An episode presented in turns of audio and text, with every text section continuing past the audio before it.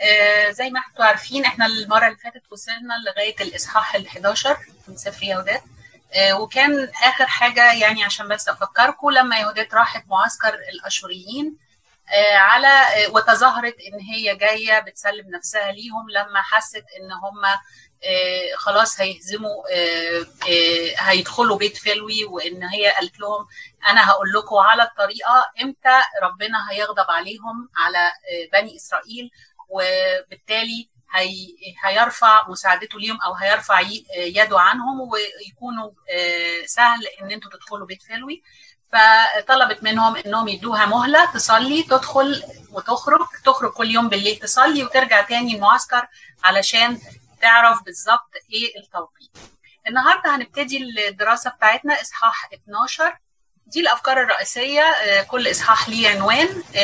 إصحاح ال 12 دعوة يهودات لحضور عشاء أليفانا بعد كده يهودات يهودات في خيمة أليفانا خطة يهودات لمهاجمة الأشوريين هزيمة جيش أشور وفي الآخر تسبيحة يهودات. هنشوف الاصحاح ال 12 اللي هو دعوة يهودات لحضور عشاء أليفانا. هقراه برضو معاكم ونحاول إن إحنا نمشي مع بعض يعني كده كل جملة جملة جملة ونشوف إيه اللي هنطلع بيه. حينئذ أمرهم ده بيتكلم هنا على اليفانا بعد ما يهودات قابلته طبعا أعجب بيها وبجمالها وكل ده فبيقول حينئذ أمرهم أن يدخلوها موضع خزائنه وأمر أن تمكث هناك وأوصى بما يعطى لها من مائدته هنا اليفانا إدى اليهودات يعني تكريم عظيم ودي كانت حاجة مش بتحصل إن هو موضع خزائنه يعني خيمة ملحقة بيه حاجة يعني مكانة ليها مكانة خاصة. وكمان أن تعطى يعطى لها أمر أن تعطى لها يعطى لها من مائدته. يعني تاكل على مائدته من الأكل بتاعه. وفي ترجمات بتقول إنها تستعمل الانيه بتاعته كمان اللي هي من الذهب والفضة. ودي حاجة ما كانش بيسمح بيها لحد. فهو هنا بيبين قد إيه أليفانا يعني قلبه مال ليها وبحيث إنه اداها يعني عمل لها اكسبشنز كبيرة قوي وأكرمها.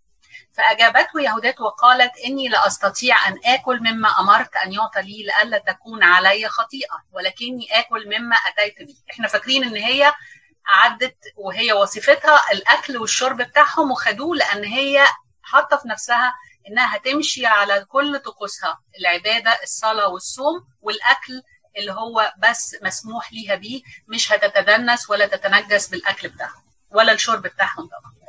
فقال لها أليفانا إذا فرغ هذا الذي أتيت به فما, فما نصنع بك؟ يعني أنت قاعدة عندنا افرض أكلك خلص هتاكلي إيه؟ فقالت يهودات تحيا نفسك يا سيدي إن أمتك لا تنفق هذه جميعها حتى يصنع الله بيدي ما في خاطري وجملة تحيا نفسك يا سيدي دي ده كان تعبير دايما استخدم كتير في الكتاب المقدس. ده عبارة عن قسم يعني هو في شكله يبان إن هو دعاء أو إن هي يعني بتدعي له أو إنها بتحييه لكن هو كان التعبير ده معناه قسم وزيه زي حي هو الرب أو دايما بيستعمل هنلاقيه في حتت كتير ومعناه القسم فهي بتقسم إن هي الأكل اللي معاها مش هيخلص غير وتكون نفذت الخطة بتاعتها. طبعا يهودات بتتكلم عن خطة الخلاص لشعب إسرائيل هو فهم إن هي الخطة اللي هتمكنه من دخول بيت فلو فأدخلها عبيد الخيمة التي أمر بها فلما صارت في داخلها سألت أن يرخص لها أن تخرج في الليل قبل الصباح لتصلي وتتضرع إلى الرب. فأوصى أصحاب مخدعه أن يأذنوا لها كما تحب في أن تخرج وتدخل لتعبد إلهها ثلاثة أيام. وموست بروبابلي إن هم كان في كلمة سر أو حاجة قالوها لها بحيث إن هي بتعدي كل دوريات الحراسة اللي بتعدي عليها لأنها بتوصل لغاية خارج المعسكر الأشوريين لغاية الوادي اللي حوالين بيت فلوي اللي فيه عيون المية. عشان تغتسل. وقبل ما نسيب الجزء دي مدة ثلاثة أيام ونلاقي إن دي المدة المشهورة جدا التقليدية اللي لسه ما زالت الكنيسة مست... يعني بتاخد بيها وهي مش... مدة ال... ال... الانقطاع للتكريس أو للصلاة لما بيكون في أي تجربة أو لما بيكون في الإنسان بيطلب مشورة الله فهي الثلاث أيام دي المدة اللي دايما بنصومها و برضو لأنها بتشير اللي هي المدة من موت المسيح على الصليب لغاية قيامته فبعد الثلاث أيام بنقوم معاه وبنكسب الفرح والنصرة والغلبه. فهي برضو طلبت إنه يديها مهله ثلاث أيام. وكانت هي واضح إن هي كان في دالة كبيرة بينهم ربنا هي كانت عارفة إن الموضوع هيتحل في خلال المدة دي هي عارفة ربنا اداها إشارات أو ممكن يكون يعني إداها علامة إن هي عارفة إمتى بالظبط هتيجي ساعة التنفيذ.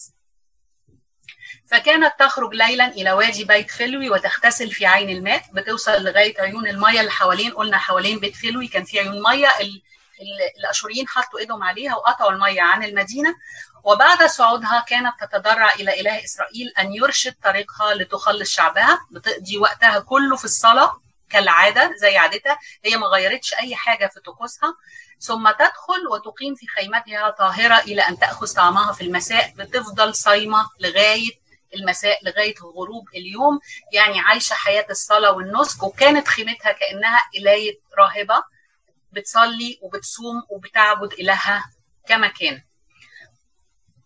كان في اليوم الرابع أن أليفانا صنع عشاء لعبيده وقال لبوغا خسيو انطلق الآن واقنع تلك العبرانية أن ترضى بالإقامة معي طبعا طبعا هي كانت متوقعة اللحظة دي لأن ده كان الطبيعي إنه يحصل وهي عارفة كويس ويمكن كان ده أكتر حاجة بتشغلها وكانت بتصلي عشانها إنها تحتفظ بطهارتها وإنها تدخل وتخرج من معسكر الأعداء لا تتن... بحيث إنها لا تتدنس. فإنه عار عند الأشوريين أن تسخر المرأة من الرجل وتمضي عنه نقية. وهنا بنشوف قد إيه إن إبليس قد كده بيضلل الناس بحيث إنه يزين الشر فيصبح ده الحاجة الطبيعية وإنه يبقى عار إنه الخطية ما ما تتعملش. وده يمكن بنشوفه كتير حوالينا إن الخطية تبقى بتتعمل على نطاق واسع لدرجة الناس ما بتعتبرهاش خطية وتعتبر العكس هو اللي مش طبيعي. فدخل حينئذ بوغى على يهودات وقال لا تحتشمي أيتها الفتاة الصالحة أن تدخلي على سيدي وتكرمي أمام وجهه وتأكلي معه وتشربي خمرا بفرح. فأجابته يهودات من أنا حتى أخالف سيدي. كل ما حسن وجد في عيني فأنا أصنعه وكل ما يرضى به فهو عندي. حسن جدا كل أيام حياتي. ثم قامت وتزينت بملابسها ودخلت فوقفت أمامه. فاضطرب قلب أليفانا لأنه كان قد اشتدت شهوته وقال لها أليفانا اشربي الآن واتكئي بفرح فإنك قد ظفرت أمامي بحزوة.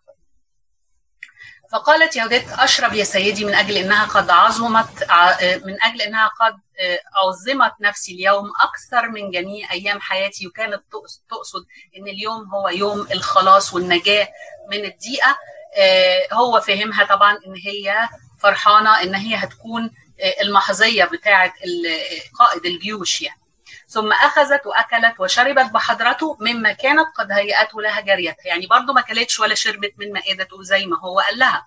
ففرح أليفانا بإزائها, بإزائها وشرب من الخمر شيئا كثيرا جدا أكثر مما شرب في جميع حياته. يعني في الليلة دي أليفانا شرب خمر أكثر من أي ليلة مرت في حياته. وكان ده تدبير من ربنا لأنه علشان يعني يوصل لدرجة من السكر يفقد معاها الوعي وما يقدرش إنه يقاوم. ندخل في الإصحاح الثالث 13 يهودات في خيمة أليفان. لما أمسوا بعد العشاء بقى والحفلة اللي هي اللي عملها دي الليل كان بقى واضح إن الوقت كان متأخر قوي بالليل ولما أمسوا أسرع عبيده إلى منازلهم وأغلق بوغى أبواب المخدع ومضى هنا عبيده بتعني جنوده يعني ما هماش عبيد لكن كانوا جنود الجنود والضباط وكده. أغلق بوغى وده اللي كان الخصي اللي هو مسؤول عن خدمته وخدمة يهودات أبواب المخدع ومضى وكانوا جميعهم قد ثقلوا من ثقلوا من الخمر. كلهم كانوا شربوا لدرجة السكر وكانت يهودات وحدها في المخ في المخدع فضلت يهودات بس مع أليفانا في المخدع أو هو المكان اللي بينام فيه. وأليفانا مضطجع على السرير نائما لشدة سكره. فأمرت يهودات جاريتها أن تقف خارجا أمام المخدع وتترصد. وما ننساش هنا دور جارية يهودات أو وصيفتها فهي يعني قامت بدور كبير جدا وخطرت وغمرت بحياتها مع يهودات وبالتأكيد هي كانت إنسانة تقية بدليل أن يهودات استأمنتها واعتمدت عليها. ممكن تكون قالت لها على سر المهمة اللي هي تقوم بيها أو لأ. لكن هي في كل الأحوال قامت بدور كبير وبالتالي هي استحقت بعد كده إن يهودات تكرمها وهنشوف إزاي. ووقفت يهودات أمام السرير وكانت تصلي بالدموع وتحرك شفتيها وهي ساكتة. طبعا هنا يهودات في موقف حانت الساعة اللي هي مستنياها. شايفة إن المهمة هي حاسة إن هي كبيرة قوي عليها لكنها بتصلي بكل من كل قلبها لأن هي عارفة إن هي بقوتها لوحدها مش هتقدر. لكن ربنا هو اللي هيديها القوة إنها تنجح في المهمه اللي هي جت عشان وتقول أيدني أيها الرب إله إسرائيل وانظر في هذه الساعة إلى عمل يدي حتى تنهض أورشليم مدينتك كما وعدت وأنا أتم ما عزمت عليه واثقة بإني أقدر عليه بمعونتك هي واثقة إن ربنا هيساعدها وإن هي هتقدر على كده من خلال معونة ربنا. وإن هي بقوتها لوحدها مش ممكن تقدر. كامرأة مش مدربة في القتال ما عندهاش أي فكرة عن أي حاجة من دي كان في استحالة أو في يعني شيء يعتبر إعجاز اللي هي عملته. وبعد أن قالت هذا دنت من العمود الذي في رأس سريره فحلت خنجره المعلق به مربوطا وكان دايما الحكام أو قواد الجيوش من عادتهم أنهم بيعلقوا خنجر أو سيف في العمود على رأس السرير أو بجانبهم يعني من منطلق يعني التباهي أو التشامخ بالقوة. وكمان لأنه بي نوع من أنواع الحماية من رجال البلاط لو في حصلت أي خيانة في أي مفاجأة في أي وقت. ولما كانوا بيمشوا كان بيبقى في واحد مسؤول إن هو يشيل الخنجر أو السيف ده اسمه حامل السيف. فدايما كان السيف أو الخنجر بتاعه مرافق ليه إما على العمود أو في ترحاله بيبقى واحد شايله هي كانت عارفة ومرتبة كل حاجة وعارفة هي هتستخدمه إمتى. واستلته ثم أخذت بشعر رأسه وقالت أيدني أيها الرب الإله في هذه الساعة. ثم ضربت مرتين على عنقه فقطعت رأسه ونزعت خيمة سريره عن العمد ودحرجت جثته عن السرير. وهنا دحرجت جثته عن السرير هي رمز لأن الشيطان يداس تحت الأقدام. تحت أقدامنا نحن ولاد ربنا هو بيداس هو وخطيته وكل كل الشرور اللي بينشرها كلها نبعد عنها وندوسها تحت وبعد هنيها خرجت وناولت وصفتها رأس أليفانا وأمرتها أن تضعه في مزودها في السرة اللي جايباها أو الحاجة اللي هي حاطين فيها حاجاتهم قالت لها تحطي فيها الرأس مع الخيمة السرير اللي هي الناموسية لفتها بيها وحطتها في المزود وعملوا إيه بقى؟ خرجتا كلتاهما على عادتهما كأنهما خارجتان للصلاة. كان الوقت متأخر وكان ده الوقت الطبيعي اللي بيخرجوا فيه كل يوم قرب الفجر علشان يغتسلوا في في العيون المية ويرجعوا يصلوا تاني. فكان الشيء كل كل المظاهر ما فيش أي حاجة مش طبيعية. وبالتالي ما لفتوش نظر ال ال أي حد من الحراس أو أي حد في المعسكر. خرجتا كلتاهما على عادتهما كأنهما خارجتان للصلاة واجتازتا المعسكر ودارتا في الوادي حتى انتهتا المرة دي بقى إيه وصلوا لإيه باب المدينة بيت فلوي. فنادت يهودات من بعد من بعد حراس السور وهنا يهودات هنشوفها كما لو كانت بتتنطط من كتر الفرحة. افتحوا الأبواب فإن الله معنا وقد أجرى قوة في إسرائيل. كانت بتهتف أو بتتنطط من الفرحة وبتدي كل المجد لإله إسرائيل وبتقول لهم الله معنا مش زي ما أنتم افتكرتوا إنه سابنا وقد أجرى قوة في إسرائيل. كل المجد ليه القوة كلها هي قوته. يعني كما لو كانت بتقول لهم أنا كنت مجرد أداة وهنشوف إن هي بتؤكد على المعنى ده في كل كلامها معاهم. فكان إنه لما سمع الرجال صوتها دعوا شيوخ المدينة وبادروا إليها جميعهم من أصغرهم إلى أكبرهم لأنه لم يكن في أملهم أنها ترجع بعد. إحنا لو تخيلنا وحطينا نفسنا مكانهم أو مكان الناس أهل بيت فلوي واحدة قالت لهم أنا هتصرف ما تسألونيش شايفينها أرملة صغيرة في السن خدت وظيفتها وطلعت على جيش الأعداء اللي هم أساسا مرعوبين منه ومحاصرهم ومعطشهم وهيقضي هيهلكهم وما يعرفوش عنها حاجة بقى لهم ثلاث أيام. هو ده كان اليوم الرابع اللي هي رجعت فيه. يعني كان فاضل يوم واحد تاني على المهلة اللي عزية قال لهم عليه إحنا فاكرين مهلة الخمس أيام.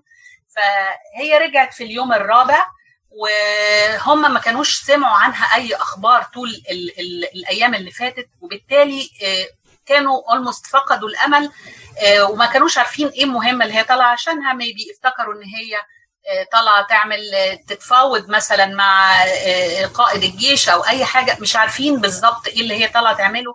ويا ترى لسه عايشة يا ترى اتقتلت يا ترى خلاص سابوها هناك يعني بقت من السبايا وانتهى أمرها. هم قاعدين في حالة يأس. وعدم معرفة وطبعا العطش اشتد بيهم أكتر وأكتر وابتدوا إن هم في حالة غزال وجفاف و فنقدر نتصور حالتهم لما شافوا يهودات جاية تهلل وتهتف بالطريقة دي. العدد 16 ثم أوقدوا مصابيح كل مدينة بيت فلوي اتجمعت واجتمعوا حولها بأسرهم كبير وصغير جم وقعدوا قدامها فصعدت إلى أعلى موضع وأمرت بالسكوت فلما سكتوا كلهم قالت لهم إيه بقى؟ قالت يهودات سبحوا الرب الذي لم يخذل المتوكلين عليه. قبل ما تحكي لهم حكايتها ولا تقول أي حاجة طلبت منهم إنهم يشكروا الرب الإله. سبحوا الرب إلهنا لأنه ما خذلناش. إن إحنا اتكلنا عليه وهو لم يخذلنا. وبي أنا امته أتم رحمته التي وعد بها آل إسرائيل وقتل بيدي عدو شعبه هذه الليلة. أنا كنت مجرد آلة في إيده مجرد أداة في إيده. المجد كله ليه هو اللي قتل بيدي عدو شعبه هذه الليلة. ثم أخرجت رأس أليفانا من المزود وارتهم إياه قائلة. ها هو ذا رأس أليفانا رئيس جيش الأشوريين. وهذه خيمة سريره التي كان مضطجعا فيها في سكره حيث ضربه الرب إلهنا بيد امرأة هي برضو دايما تذكر أن الرب الإله هو اللي ضربه بيدي. أنا كنت مجرد أداة في إيد ربنا. خيمة السرير هي خدتها ليه؟ عشان تؤكد إنه اتقتل في عقر داره في سريره في وسط حراسه في وسط المعسكر بتاعه. وطبعا الرأس دي؟ إن واحد بيتقطع رأسه وتجي وكانوا دايما زمان يعني لازم يظهروا الرأس عشان دليل على إن فعلا الشخص ده اتقتل أو إن الشخص ده ما بقاش موجود خلاص ضربه الرب إلهنا بيد امرأة ودي كانت قمة الخزي بالنسبة لقائد جيوش إنه يقتل على يد امرأة إنه ما يقتلش في المعركة وإنه يقتل على يد امرأة غير مدربة على القتال في وسط حراسه وفي وسط معسكره وفي معقله هو نفسه دخلت قتلته وخرجت ومحدش حس بيها. حي الرب إنه حفظني ملاكه في مسيري منه منها هنا وفي إقامتي هناك وفي إيابي إلى هنا. ولم يأذن الرب أن تتدنس امته ولكن أرجعني إليكم بغير نجاسة خطيئة فرحة بغلبته وبخلاصي وخلاصكم. هنا بتطمنهم إن هي لم تتدنس وده كان دي في حد ذاتها دي كانت معجزة إن هي راحت ورجعت ولم تتدنس لأن ده كان شيء لا يمكن أنه يحصل أبدا. فاشكروا له كلكم لأنه صالح لأن رحمته إلى الأبد. فسجدوا بأجمعهم للرب وقالوا لها قد باركك الرب بقوته لأنه بك أفنى أعداءنا. وقال لها عزية رئيس شعب إسرائيل إحنا فاكرين عزية اللي هو اللي قال على المهلة الخمس أيام. مباركة أنت يا بني من الرب الإله العلي فوق جميع نساء الأرض. هنا بيذكر إنها يا بنية ده ده بيدل على إن هي كانت صغيرة السن جدا. تبارك الرب الذي خلق السماء والأرض الذي سدد يدك لضرب رأس قائد أعدائنا.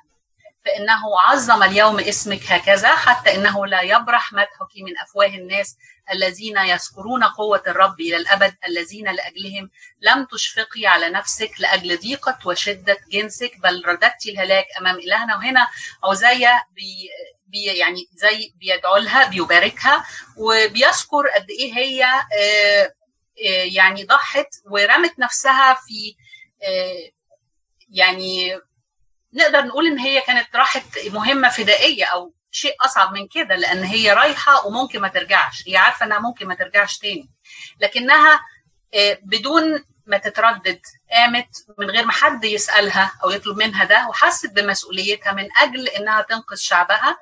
وهنا بيقول إن إن ربنا فعلا هو عظم اسمك إنه فعلا ربنا كان ممكن إنه يخلص شعبه عنده خطط كتيرة جدا لكن أراد إن هو يكرم هذه الأرملة التقية بإنه يستخدمها في هذه المهمة عشان يظهر للناس مدى تقواها ومدى الفضائل اللي جواها. وفعلا اسمها إنه مش هيتنسي وبدليل على كده إن إحنا في سفر باسمها وإن إحنا لغاية النهارده بندرس السفر اللي على اسمها وبندرس قصتها.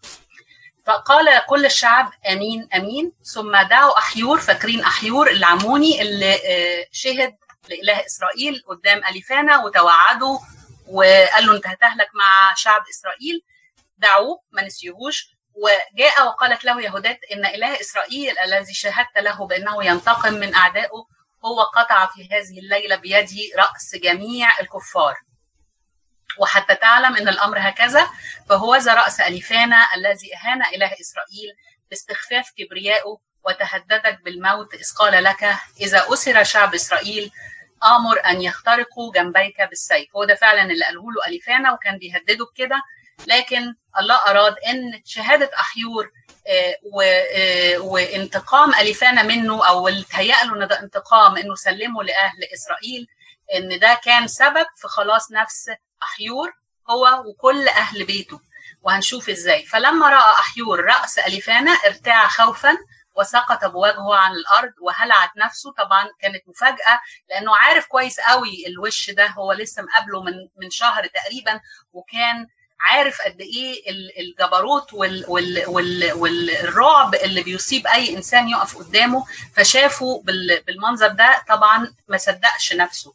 وبعدما ثابت إليه روحه وانتعش خر قدامها ساجدا لها وقال مباركة أنت من إلهك في كل خيام يعقوب وفي كل أمة يسمع فيها باسمك يعظم لأجلك إله إسرائيل. وأراد ربنا أنه فعلا أليفان أن أحيور يشوف بعينيه ويشهد هلاك أليفانا وهلاك الأشوريين على يد بني إسرائيل بمعونة إلههم بالظبط زي ما هو شاهد ليه.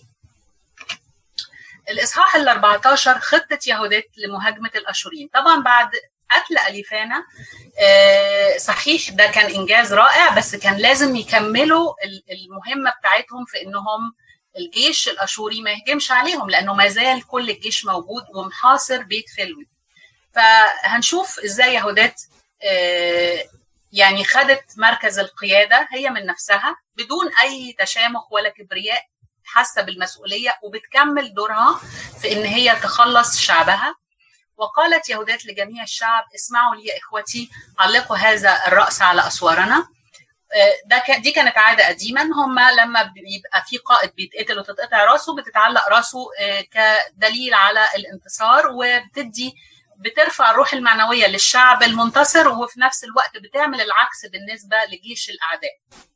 ومتى طلعت الشمس فليأخذ كل واحد سلاحه واخرجوا بهجمة لا لتنحدروا إلى أسفل ولكن كأنكم تقصدون المهاجمة. يعني قلت لهم لما تخرجوا اخرجوا مرة واحدة مع بعض ما تنحدروش إلى أسفل الجبل كأنكم رايحين تشربوا مية من العيون المية لكن كأنكم رايحين تهاجموهم كأنكم.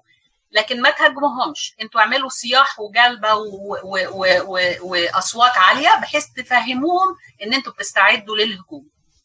فعند ذلك يضطر الجواسيس أن يهربوا إلى رئيسهم لينبهوا للقتال.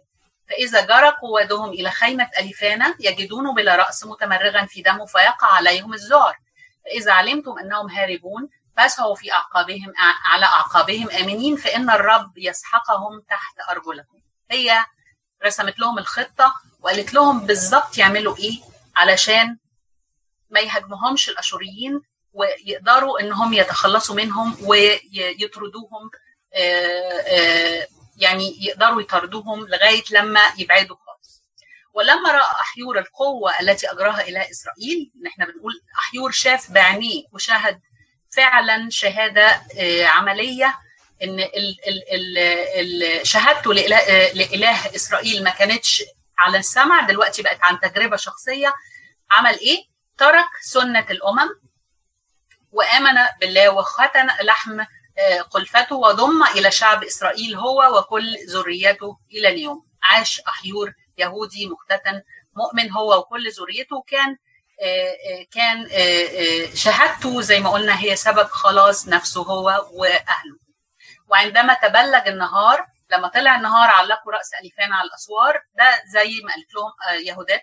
وأخذ كل رجل سلاحه ثم خرجوا بجلبة عظيمة وصراخ وده بيفكرنا بالخطة. اللي فاكرين جدعون لما كان بيهاجم المديانيين وربنا قلل عدد الجيش ل 300 وبعدين طلعوا عليهم في الليل وهم نايمين وكسروا الزلع ولا القوارير وعملوا جلبة عظيمة فالجيش المديانيين قام مذعور وهربوا من غير معركة يعني. نفس اللي حصل بالظبط هو اللي حصل المرة دي. دخلوا عليهم بجلبة وصياح فلما رأى الجواسيس ذلك بادروا إلى خيمة اليفانا هنا الجواسيس اللي هم على الحدود جريوا شايفينهم ابتدوا يعني بيعملوا كده إزاي. فراحوا عشان يقولوا للقائد لانهم ما يقدروش يهجموا من غير أمر القائد فجاء من في الخيمة وضجوا أمام مدخل المخدع لينبهوه هنا ما يقدروش يدخلوا عليه وده بيبين لنا قد إيه هو مرهب كان لكل اللي حواليه وقد إيه هو شخصية يعني قوية وقاسية جدا. واحدثوا ضوضاء حتى يستيقظ أليفانا بضوضائهم من غير أن ينقذوا أحد. ولم يكن أحد يكسر أن يقرع أو يدخل باب مخدع قائد الأشوريين. فلما جاء قواد ورؤساء الألوف وجميع عظماء جيش ملك أشور قالوا للحجاب ادخلوا ويقظوه لأن الفئران قد خرجت من من حجرتها واقترأت على مهيجتنا للقتال. وهنا بيقولوا على بني إسرائيل إنهم فئران. يعني هم كانوا معتبرينهم حاجة يعني إيه دول؟ دول فئران طلعوا من الجحور وإيه واقترأوا على مهاجتنا يعني بيناوشونا علشان يخلونا نتنازل ونروح نقاتلهم يعني. إحنا من أساس ما كناش هنقاتلهم لكن هم بيحاولوا يهيجونا. فحينئذ دخل بوغا مخدعه فوقف عند السجف ثم صفق بكفيه لأنه كان يظن أنه نائم مع يهودات. هم كل ده فاكرين إن يهودات بايته في المخدع بتاع أليفانا. فلما لم يشعر بحركة يسمعها دنا من السجف ورفعه فلما رأى جثة أليفانا بلا رأس وهي مدرجة بدمه مطروحة على الأرض أعول بصوت عظيم ومزق ثيابه يعني كان في عويل وبكاء و وتمزيق ثياب. ثم دخل خيمة يهودات. فلما واضح إن خيمة يهودات كانت ملحقة بخيمة أليفانا. دخلها ما لقاهاش فخرج إلى الشعب خارجا وقال امرأة عبرانية بلبلت بيت الملك نبوخذ نصر. ووزق لفانا مطروح على الأرض بلا رأس. وده كان عار وانكسار رهيب. فلما سمع رؤساء جيش الأشوريين مزقوا ثيابهم جميعا ووقع عليهم من الخوف والرعب ما لا يطاق واضطربت قلوبهم جدا وحدث بين معسكرهم عويل لا نظير له طبعا كل معسكر الأشوريين لما سمعوا الخبر ده يعني أصابهم الخوف والرعب لأنهم حسوا إن الشعب ده فيه حاجة مختلفة ده فيه لعنة هتصيبهم أكيد زي ما أصابت القائد العظيم اللي محدش بيقدر يقف قدامه ده فيه لعنة هتصيبهم وبالتالي هم كل اللي بيرجوه إن هم يجروا من المكان ده ويبعدوا بأقصى سرعة قبل ما تصيبهم اللعنة اللي أصابت قائدهم. الإصحاح ال 15 هزيمة جيش أشور. لما سمع كل الجيش أن أليفانا قد قطع رأسه طارت عقولهم ومشورتهم ولم يعودوا يبلون إلا بالخوف والرعب فاستنجدوا بالهزيمة، يعني هنا حتى يقول التعبير استنجدوا بالهزيمة يعني كان ملاذهم الوحيد إن هم يهزموا حتى ما يقتلوش. يعني فقدوا كل أمل في إن هم ينجوا من من ال من ال من ال من الشعب اللي هم مش عارفين إيه سر قوته ده وإيه اللي بيحصل ده اللي حواليهم. حصلت آآ آآ لغط وبلبلة وبيقول لك صارت عقوبه ما بقاش في حد عارف يكلم حد ولا حد واقف قادر ولا القوات قادرين إن هم يجمعوا الجيش تاني عشان يبتدوا يدافعوا. مفيش أي حاجة من دي حصلت. والغريب في الموضوع إن إحنا زي ما قلنا الجيش كان عدده كبير قوي كان فوق ال 120 ألف.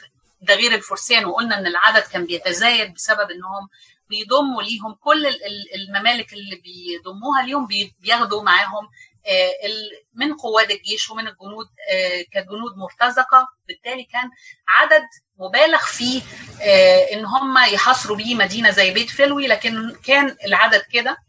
العدد ده كان سبب يعني وبال عليهم. ما كانش حاجة كويسة لأنه بسبب كثرة العدد ما قدروش إن هم يجمعوا بعض. مع العدد الكبير والجيش ال ال ال العشرات الألاف ده ما قدروش القواد إن هم يوحدوا الجيش تاني أو إن هم يدوا أي أوامر بقى في حصلت حالة من الفوضى الشديدة وكله بيخبط في كله ومحدش عارف هو بيعمل إيه وكل همهم إن هم يهربوا.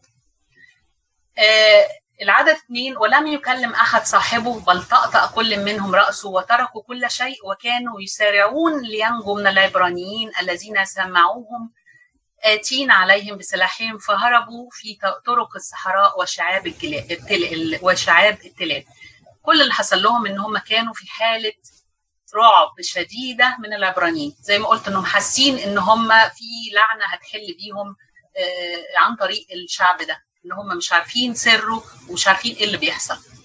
فلما رآهم بنو إسرائيل هاربين سعوا على أعقابهم ونزلوا وهم يهتفون بالأبواق مجلبين وراءهم زي ما قلنا إن هم يعني خوفوهم بمجرد الهتاف والابواق وكل ده. وكان الأشوريون متبددين وهم مندفعون في هزيمتهم وبنو إسرائيل سبه واحدة في أثرهم فأهلكوا كل من أدركوه. وهنا بتتحقق بيتحقق وعد ربنا اللي قاله اللي جه في سفر التثنية إن رجل واحد منكم يطرد الفا. ربنا وعد شعبه إن رجل واحد منكم يطرد الفا وفعلا ده اللي حصل هنا قدامنا إن فعلا كان عدد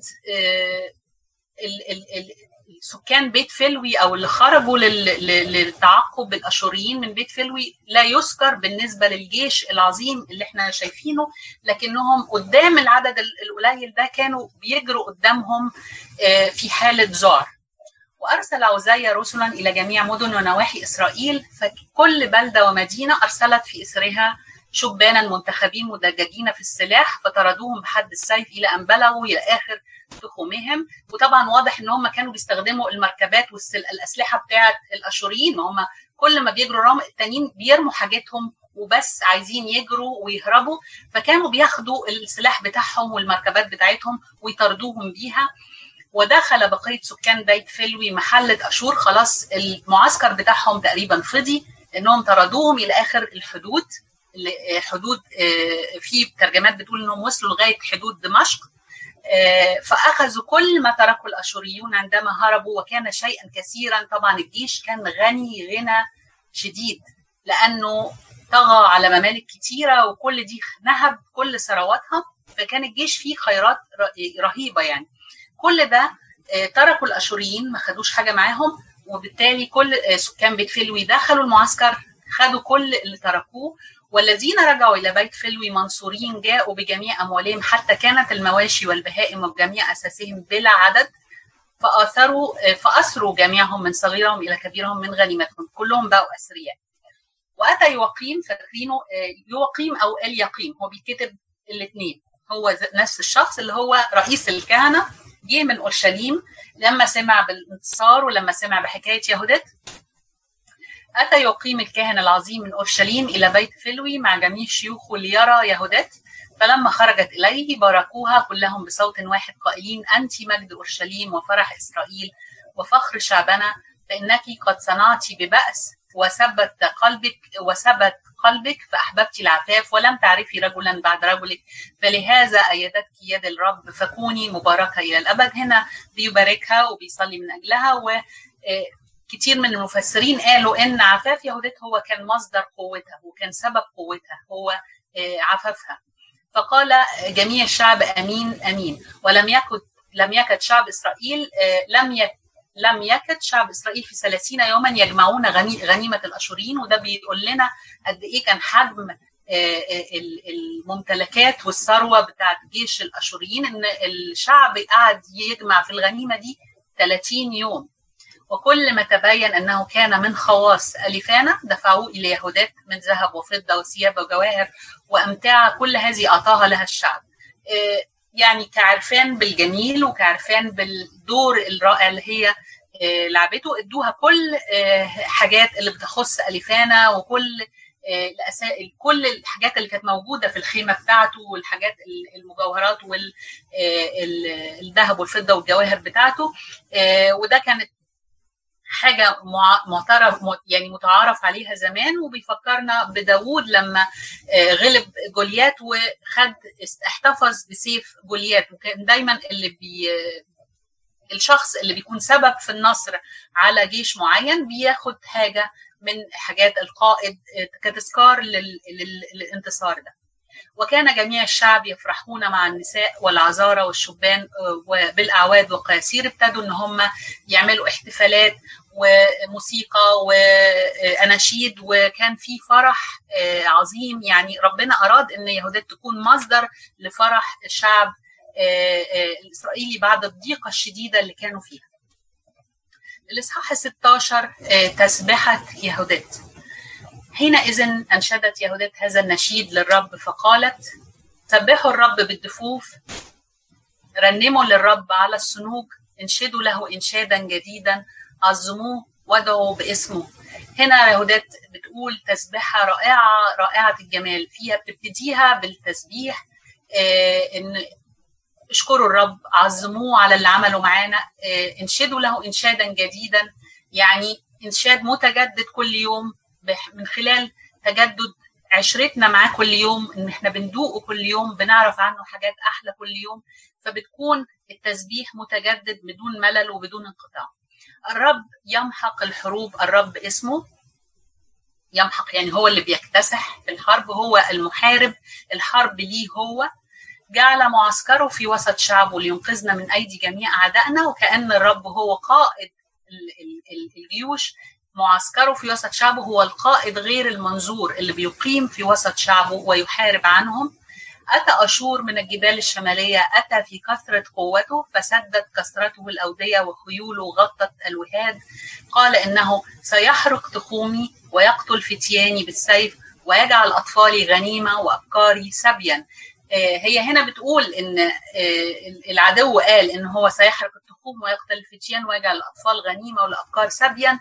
هو أليفانا ما حددهمش بكده لكن هو عمل كده فعلا في الممالك كلها اللي دخل فيها وأهلكهم وفعلا دمر وخرب وعمل كل الحاجات دي فهي اللي سمعته اللي عمله كانت عارفين إن هو هيحصل فيهم كده.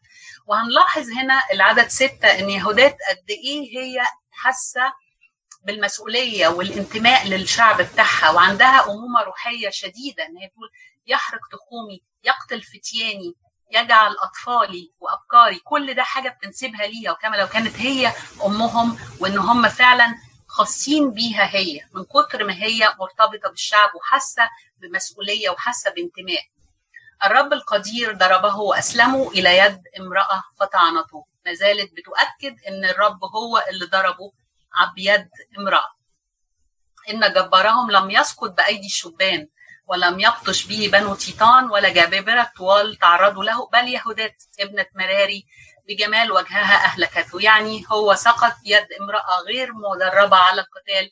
ما, ما, ما سقطش في المعركة ما سقطش في بيد قوات جيش زيه لكنه على يد امرأة بسيطة ضعيفة لكن الرب أراد أنه يعمل في الضعيف وأنه يعمل بواسطة يهوذا نزعت ثياب إرمالها وتردد بثياب فرحها لابتهاج بني إسرائيل. كما لو كانت إن هي نزعت المسوح اللي كانت لابساها ولبست الثياب الجميلة استعدادا للفرح والابتهاج اللي هيجي والنصرة والغلبة اللي هتيجي لبني إسرائيل.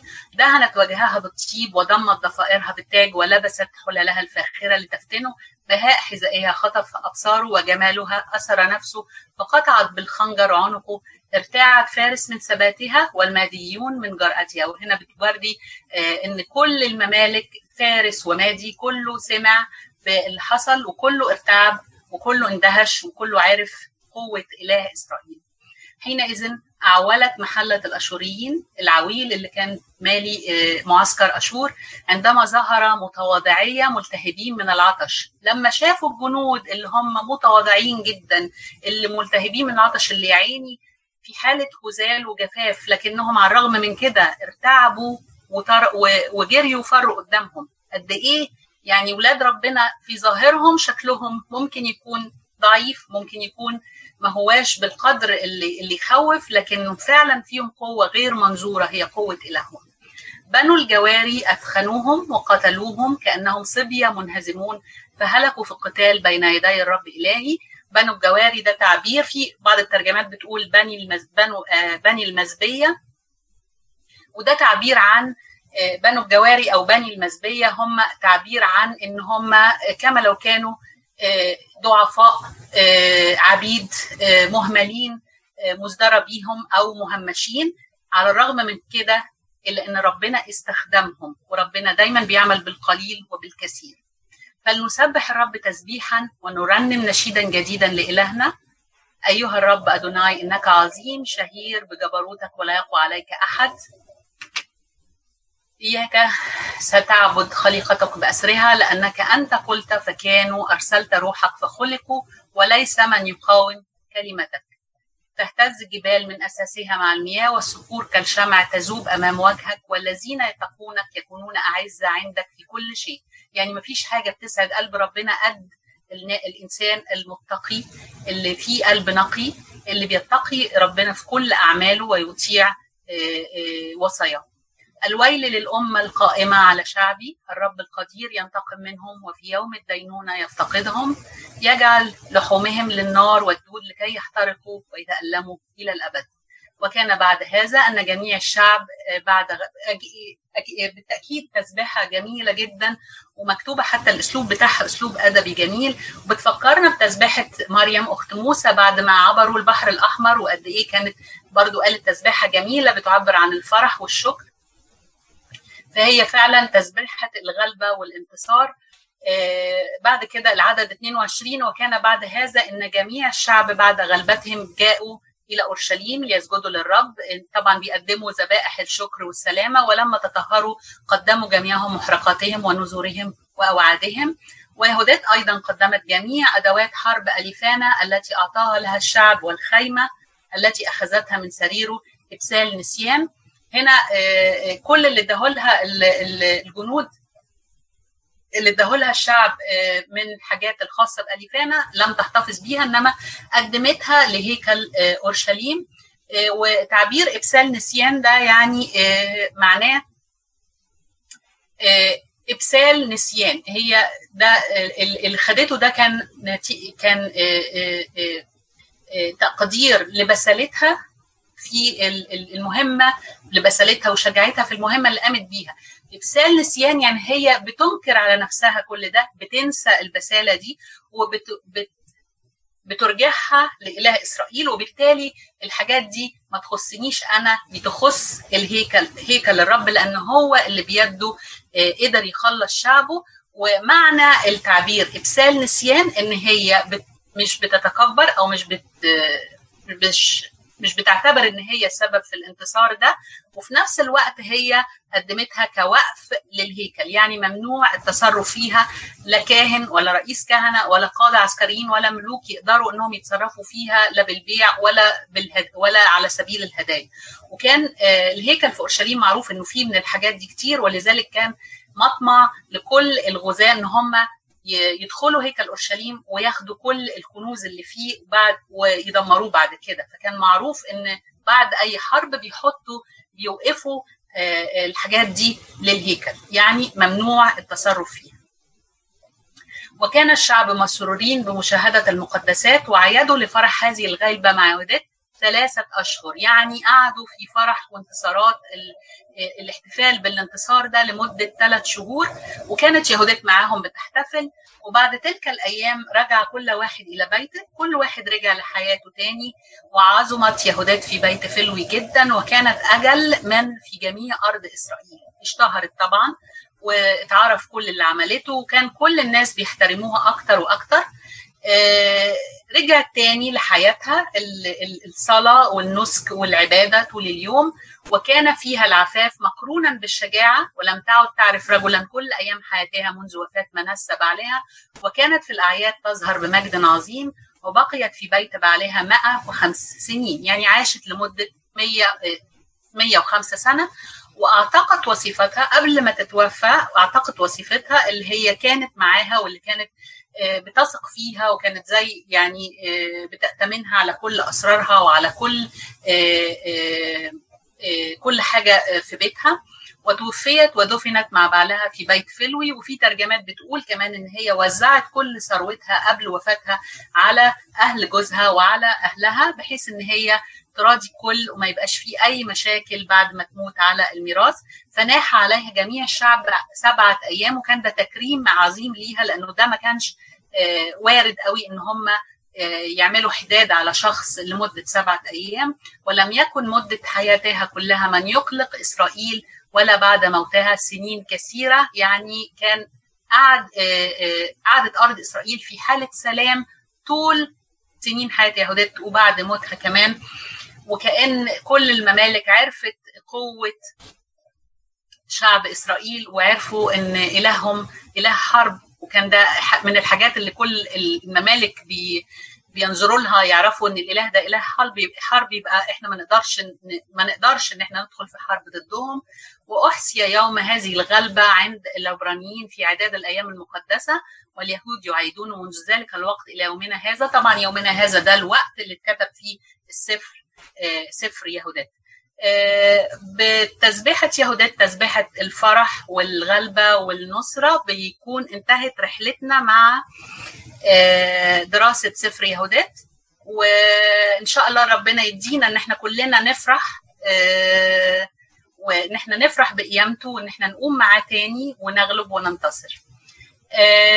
كان في سؤالين أنا كنت مأجلاهم من الأول لو تفتكروا. يا ريت إن إحنا نتشارك فيهم. هو يعني ما فيهمش صح أو غلط. هي مجرد إن إحنا بس بنعمل كده يعني ريفرشمنت واللي عايز يتابع معانا على الفيسبوك يبعت الاجابه الأولاني هي ما هي صفات يهودات والتاني هو ما هي الرسالة الروحية أو إيه اللي اتعلمناه من السفر ده؟ لأن هو في رسالة روحية يعني رسالة جميلة الحقيقة. فيا ريت اللي معانا يشاركونا. أوكي. يعني أنا شايف صفات يهوديتي الأول الصلاة هي طول طول الاصحاح السفر بتصلي وبعد كده التواضع لأن هي نسبت كل المجد والانتصار لربنا ما نسبتش يعني ما خدتش حاجة لنفسها. حتى الحاجات اللي بني إسرائيل ادوها لها بتاعت أليفانا المال بتاعه أو الذهب بتاعه هي كله راحت رجعته للهيكل ما خدتش حاجة لنفسها. بالظبط يعني ثانك يو طيب أنا ممكن أقول شوية صفات تانيين. آه أنا حاسة إن هي عندها كمية شجاعة كبيرة جدا لأنه ما فيش حد يقدر يعمل اللي عملته آه ويقوم بدور جيش بالكامل بإنه يروح ويدخل معقل الأعداء ويعمل كل اللي عملته من غير ما يبقى شخص شجاع جدا. فيها روح قيادة كده هو شخصية قيادية وتقدر تميز الأمور وتعرف ترسم خطط وتمشي وراء أهداف وتخلي كل الناس يشوفوا الفيجن اللي هي شايفاها ويمشوا في اتجاه الخطة بتاعتها. عندها إيمان كبير جدا جدا إن ربنا هي هينصر الجيش بتاعها أو هينصر شعبها بالكامل. إيمان ما تهزش لحظة وخلاها تتحرك بمنتهى الجرأة من مكان لمكان وترسم خطط وتعمل كل ده. وهي متأكدة إن ربنا هي هينصرها في الآخر. ما كانش عندها تردد. في يعني شخصيات أوقات بيبقى عندك خطة وأوقات عندك قيادة وكل الكلام ده كله بس يبقى بتعملي كل الكلام ده بتردد اللي هو بتعملي خطوة وترجعي فيها تعملي خطوة وشاكه فيها. هي ما عندهاش الحتة دي هي ثابتة على موقفها طول الوقت. حاجة جميلة آخر إصحاح لسه قايلها هنا اللي هي العفاف مقرونا بالشجاعة إن هي إنسانة عفيفة ومحافظة على عفتها طول الوقت. عجبني فيها كمان النسك والصلاة إنه حياتها مش مش مبنية من فراغ جاية من جذور. فيها roots متأسسة في الأرض كده اللي هي الصلاة والنسك. وبعدين كل الحاجات دي بقى طلعت as ثمار من كل الصلاة والنسك ده. عندها حكمة كبيرة جدا جدا عرفت تعمل ترتيبات عرفت تتعامل بحكمة مع مع أليفانا ومع الأعداء عرفت إنها تتعامل بحكمة مع شعبها. عندها قوة في الأداء يعني هو مش أي حاجة. البني آدم فأنا بصراحة عجبتني قوي شخصية يهودات ما كنتش شايفة كل الصفات دي لغاية ما ابتديت أركز كويس في الكلام اللي انت كنت بتشرحيه هو فعلا يعني انت لخصتي تقريبا كل الصفات أو يعني كل الصفات الموجودة في يهودات لو جوزفين عايزة تضيفي حاجة تانية بالنسبة لصفات يهودات اتفضلي. هو طبعا هم يعني صراحة عماد وإرمين زي ما انت قلتي كده هم جمعوا كل الصفات الحلوة اللي موجودة في يهودات وكل حاجة. بس أنا كنت شايفة فيها حتة بقى شوية كده يعني دي عجبتني قوي بصراحة يمكن أنا شوية عشان ليا اهتمامات بالشخصية وبناء كده فأنا عجبني حتة المبادرة إنها كانت مبادرة. هي زي ما إحنا شفنا في قصة حياتها هي واحدة سنها صغير وجميلة وكل حاجة وقاعدة في بيتها معززة مكرمة بتتعبد لربنا بتصلي وبتصوم ومعاها الناس بتوعها الصفات اللي بيخدموها زي يمكن زي ما إرمين قالت هي ما ترددتش بس يمكن أكتر المبادرة اللي جواها اللي خلاها طلعت من قليتها من علاقتها المحدودة اللي هي يا دوب على قد هي وربنا بس تبادر وتطلع عشان تروح تنقذ شعب بحاله الأقدام والمبادرة مش من الصفات السهلة إنك إنك أنت تلاقيها في أي حد. يمكن دي من الصفات الأساسية اللي هي موجودة في الشخصية القيادية أو إن الشخص بيقود الناس ويقدر يقودهم صح إن هو يبادر من غير خوف من غير قلق. مبادرة نابعة من ثقة وإيمان بإن في واحد ساند ساند بإيد قوية. ما بيهتزش ما بيلقلقش ما بيخافش.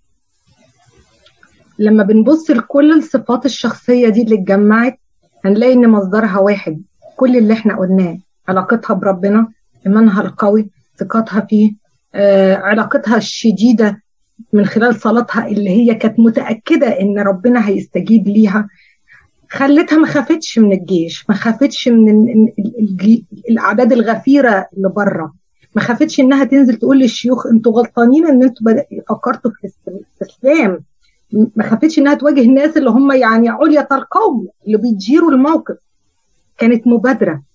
كانت الروح القيادية اللي فيها والروح ال يعني الحلوة دي لفتت انتباهي بصراحة. فيعني دي كانت أكتر حاجة عجباني يعني أو كانت جديدة بالنسبة لي إن أنا أخد بالي منها. جميل يا جوزفين. والحتة بتاعت المبادرة دي أو إن هي اللي قامت من غير ما حد يسألها بتفكرني فكرتني بحاجة إن هم كتير بيشبهوها بشخصية إستر. إن إستر كانت سبب لخلاص شعبها. بس أنا شايفة إن يهوديت كانت بتتميز عن إستر بحكاية المبادرة دي. لأن إستر كان في مردخاي اللي بيزقها وبيقويها ولما كانت جت خافت فقال لها أنت حتى لو أنت تخاذلتي فإن ربنا هيلاقي حد تاني يخلص شعبه. لكن يهودات ما كانش في حد بيقول لها. أساسا ما حدش سألها.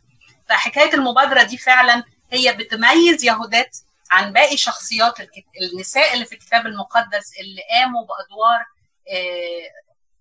يعني قوية لخلاص شعبهم السؤال الثاني بقى اللي هو إيه المغزى الروحي للسفر؟ فبرضه كل واحد يقدر يقول رأيه اللي هو عايزه نبتدي بعماد أو أي حد يتفضل يعني. ماشي.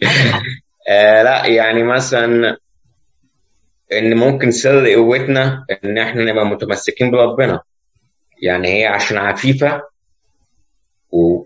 وفي صلاة فهي قدرت تواجه إن هي يعني تمشي من بيت فلوي وتوصل لغاية الأعداء وتتكلم فده قوة وجبروت يعني.